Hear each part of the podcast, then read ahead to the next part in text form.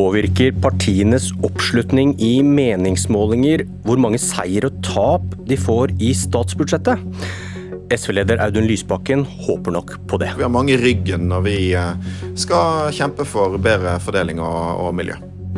Nesten 10% av velgerne støtter SV i vår ferske måling, men gir det mer makt? SV har makt. Regjeringen har gjort seg avhengig av deres stemmer for å få flertall. Og SV er stolte av det de har fått til i tidligere budsjettforhandlinger, f.eks. i oljepolitikken. Men i Stortinget i går sa Marit Arnstad, parlamentarisk leder i Senterpartiet, at det ikke var mye å skryte av. Det at 26. Eh, konsesjonsrunde er utsatt et år, eh, tror jeg ikke vi skal legge overveiende stor vekt på. Det var nesten ikke tildelt konsesjoner i 25. runde. Eh, TFO-runden som går nå, den går nesten uavkorta. Det er bare en to-tre blokker som ikke går, resten går. For det første så kan jeg forsikre om at jeg har eh, skrevet ned det Marit Arnstad sa, at vi kommer til å ta referatet med i forhandlingene senere i høst. Eh, så det var nyttig. Jeg er usikker på hvordan Lysbakken skal bruke dette i forhandlingene, men det høres ut som om han også tar med seg NRKs og Aftenpostens nye partimåling inn i det forhandlingsrommet. Der får SV hele 9,8% Senterpartiet får bare 6,2 Men Marit Arnstad kan da si at dette er ikke mye å skryte av, for på Stortinget sitter det fortsatt bare 13 representanter for SV. Senterpartiet har fortsatt 28. Velkommen til Politisk kvarter i studio i Trondheim, Snorre Valen, redaktør i Trønderdebatt. God morgen fra vakre Trondheim. Vakre Trondheim, og i vakre Oslo. God morgen, Lars Nehru Sand, politisk kommentator i NRK, og Kjetil B. Alstein, politisk redaktør i Aftenposten. God morgen. God morgen. I morgen legger altså regjeringen fram sitt forslag til statsbudsjett. Og Sand, hvordan kan oppslutning i partimålinger hjelpe Audun Lysbakken? Det som er nyttig for Lysbakken inn i et sånt eh, løp han nå skal stå frem mot jul, er at eh, en, en ro i partiet og en positivitet rundt SV gir selvtillit eh, når SV må prioritere sine slag i møte med regjeringen. Og et parti som hadde lekket velgere og, og, og vært usikkerhet internt rundt hvordan skal vi prioritere for å få våre velgere tilbake igjen. Det ville vært vanskeligere å gå veldig prioritert Eh, inn i en forhandling, og at ledelsen da visste at eh, partiet var trygg på en plan, og at man sto eh, helhetlig bak den. Lysbakken har både før, under og etter bruddet på Hurdalssjøen vært veldig tydelig på hva som er SVs politiske prioriteringer, og det tror jeg betaler seg over tid. og Det skaper en selvsikkerhet inn i de forhandlingene, som selvfølgelig kan resultere i at det er enklere å få politiske seire, fordi du prioriterer kravlista di godt.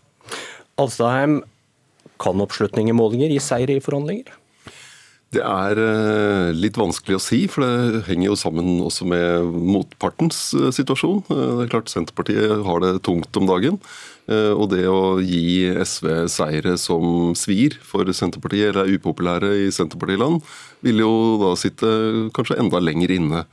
Så, og så handler det jo da om situasjonen på, for SVs del. at de, de, har jo en konkurrent på venstre side med Rødt.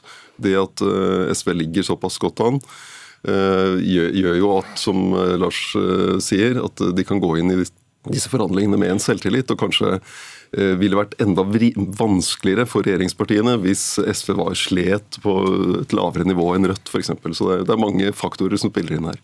Snorre Valen, tror du Marit Arnstad blir imponert når Audun Lysbakken smeller dagens meningsmåling i bordet i forhandlinger? Nei, det tror jeg ikke. Eh, jeg tror, eh, jeg tror, SV er letta over en veldig god måling. Eh, for det er jo verdt å minne om at så langt i oktober, på de få målingene som har vært, så har jo Rødt vært større enn SV. Og SV har jo sammen med Rødt falt litt sånn gjennom året. Og så har Rødt begynt å vokse igjen, og nå har SV også gjort det. Men jeg, jeg tror ikke målinger har særlig mye å si for de forhandlingene som, og det er fordi regjeringas vei til makt er via SV og deres mandat på Stortinget litt uansett.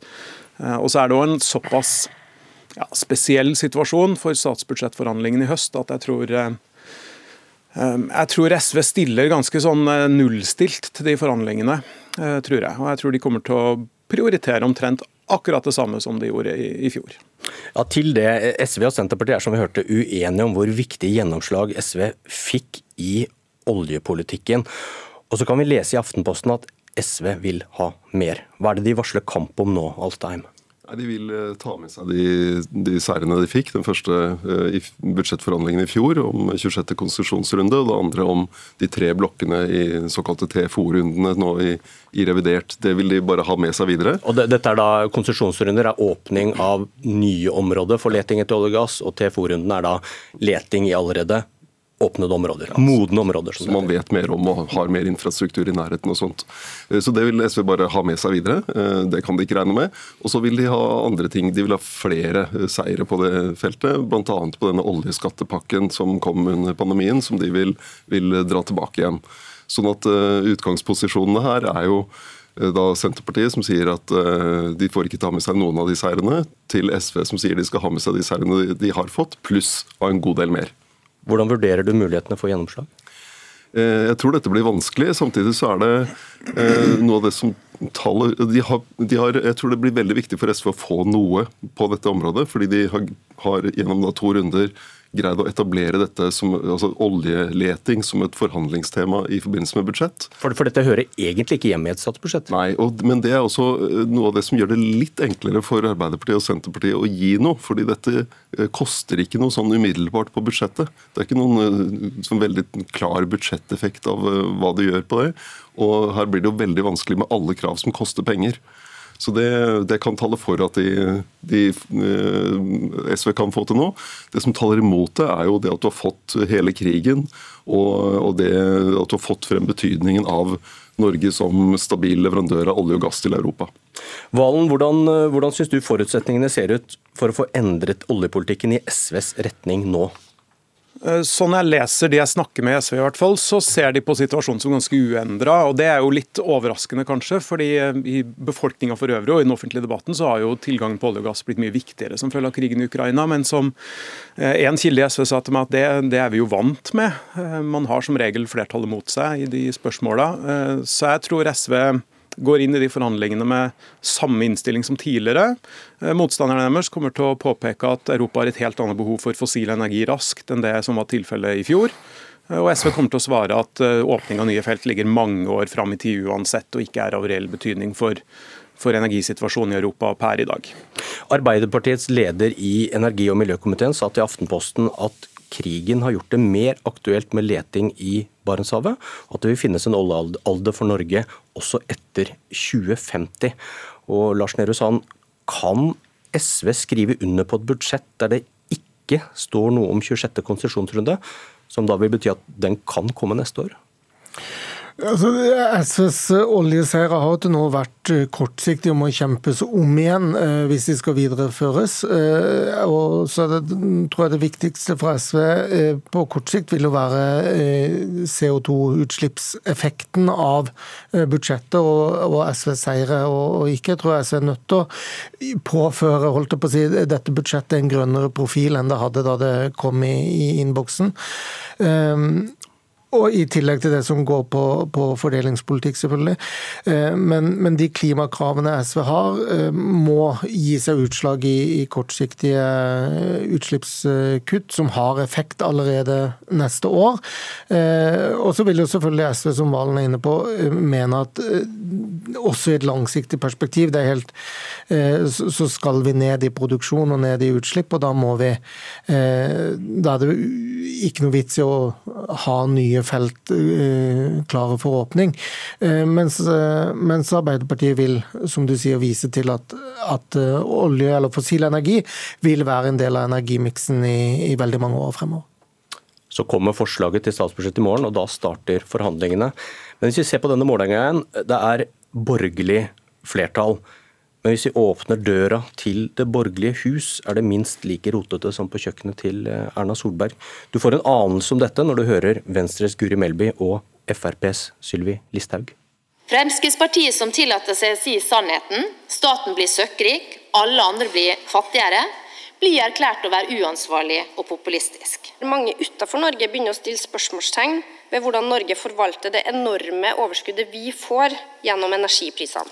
Og jeg forventer at budsjettet på torsdag viser verden at vi ikke bare er oss sjøl nok. Sand, hvordan ser utsiktene for borgerlig samling ut?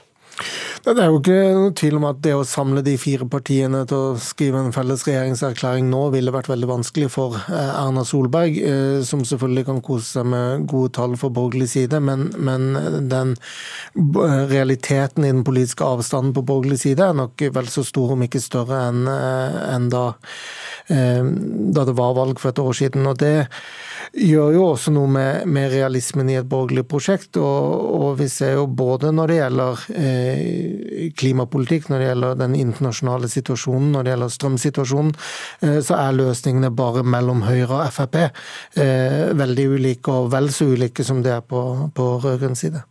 Valen, hva kan, hva kan Erna Solberg bruke et borgerlig flertall til?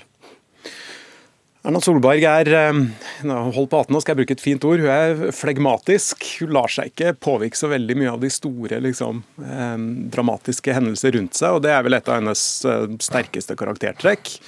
Ehm, den sterke oppslutninga Høyre har nå, eh, inkludert på målinga her, det bygger jo på et eh, uventa godt valgresultat vil jeg si, for Høyre i fjor. 20% høres ikke mye ut for Høyre nå, men, men, i historisk sammenheng så er det et godt valg for Høyre etter å ha sittet mange år i regjering. Ehm, jeg tror ikke gode målinger med borgerlig flertall nå gjør annet for Erna Solberg enn å senke skuldrene hennes enda litt mer. Det, det er mye det Høyre vokser på nå, tror jeg. At Høyre er rolig og sindig og et ganske sånn avslappa opposisjonsparti. Men du må jo tenke litt på Alstaheim at det skal bygges et lag over tid der òg, og det ser ikke ut som et lag?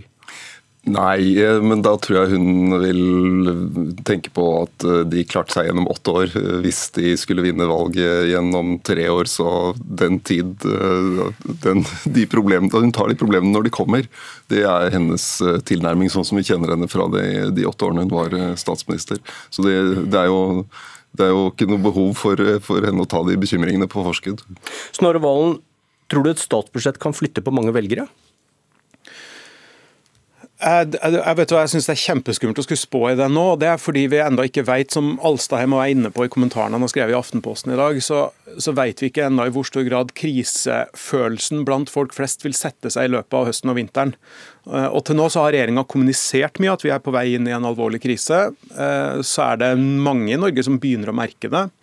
Og Fattigdommen kan bite seg fast igjen, men om de liksom, store, breie lag av befolkninga er med på at det er krise, det tror jeg avgjør mye. Om det er regjeringas historiefortelling og advarsler som definerer eh, velgervalgene i høst, eller om det er mer de protestdrevne fortellingene fra spesielt Frp og Rødt. Men det, det tør ikke jeg å spå i. Men Mener du da at vi mange på en måte intellektuelt har forstått at jo, jeg hører det er krise og jeg skjønner det, men de har ikke kjent det på kroppen ennå? At det er en forskjell der? Ja, det er akkurat det jeg tror. Og så frykter jeg da at det er veldig mange som nok tenker at de befinner seg trygt i middelklassen i Norge i dag, som i løpet av vinteren risikerer å oppdage at det gjør det ikke lenger. Men det veit ikke jeg. Men det er jo grunnen til at Norges Bank setter opp rente, og at så mange advarer om den økonomiske utviklinga. Men på den annen side så er nesten hele landet i arbeid. Næringslivet går så det griner. Så, så jeg tror nok det er mange som veit at det er problemer i vente, men som ikke kjenner det på kroppen ennå sjøl, nei. Hvordan vurderer du det, Sann, muligheten for å snu det for regjeringen med dette statsbudsjettet? Jeg tror muligheten først og fremst ligger i å snu debatten og, og få temaene litt over på sin egen banehalvdel. Eh, og så tror jeg nok at eh, i forlengelsen av Valens resonnement, vil jeg påstå at for første gang så har vi hatt veldig mye lommebokpolitikk i, i den norske politiske debatten som virkelig mange har eh, kjent på og merka. Kanskje ikke i betydningen at de ikke har råd til å betale for ting, men men at det er uh, merkbart dyrere uh, med, med, drivstoff eller strøm eller andre ting. og Det gjør jo at, uh, at, det er lett å se for seg at de politiske prioriteringene som, som gjøres, kan bidra til å flytte velgere. Da vil jeg avslutte med å lese fra Norsk Telegrambyrå, som jeg så, så nettopp nå på skjermen. Jeg har vært med i regjering og Stortinget i 20 år og det er ikke tatt tøffere tak enn vi må gjøre nå. Det er ikke fordi det er spesielt trivelig, men fordi vi mener det er riktig og nødvendig. Og da må vi stole på det, sier statsministeren til NTB. Tror du mange blir skuffet? Det tror jeg nok.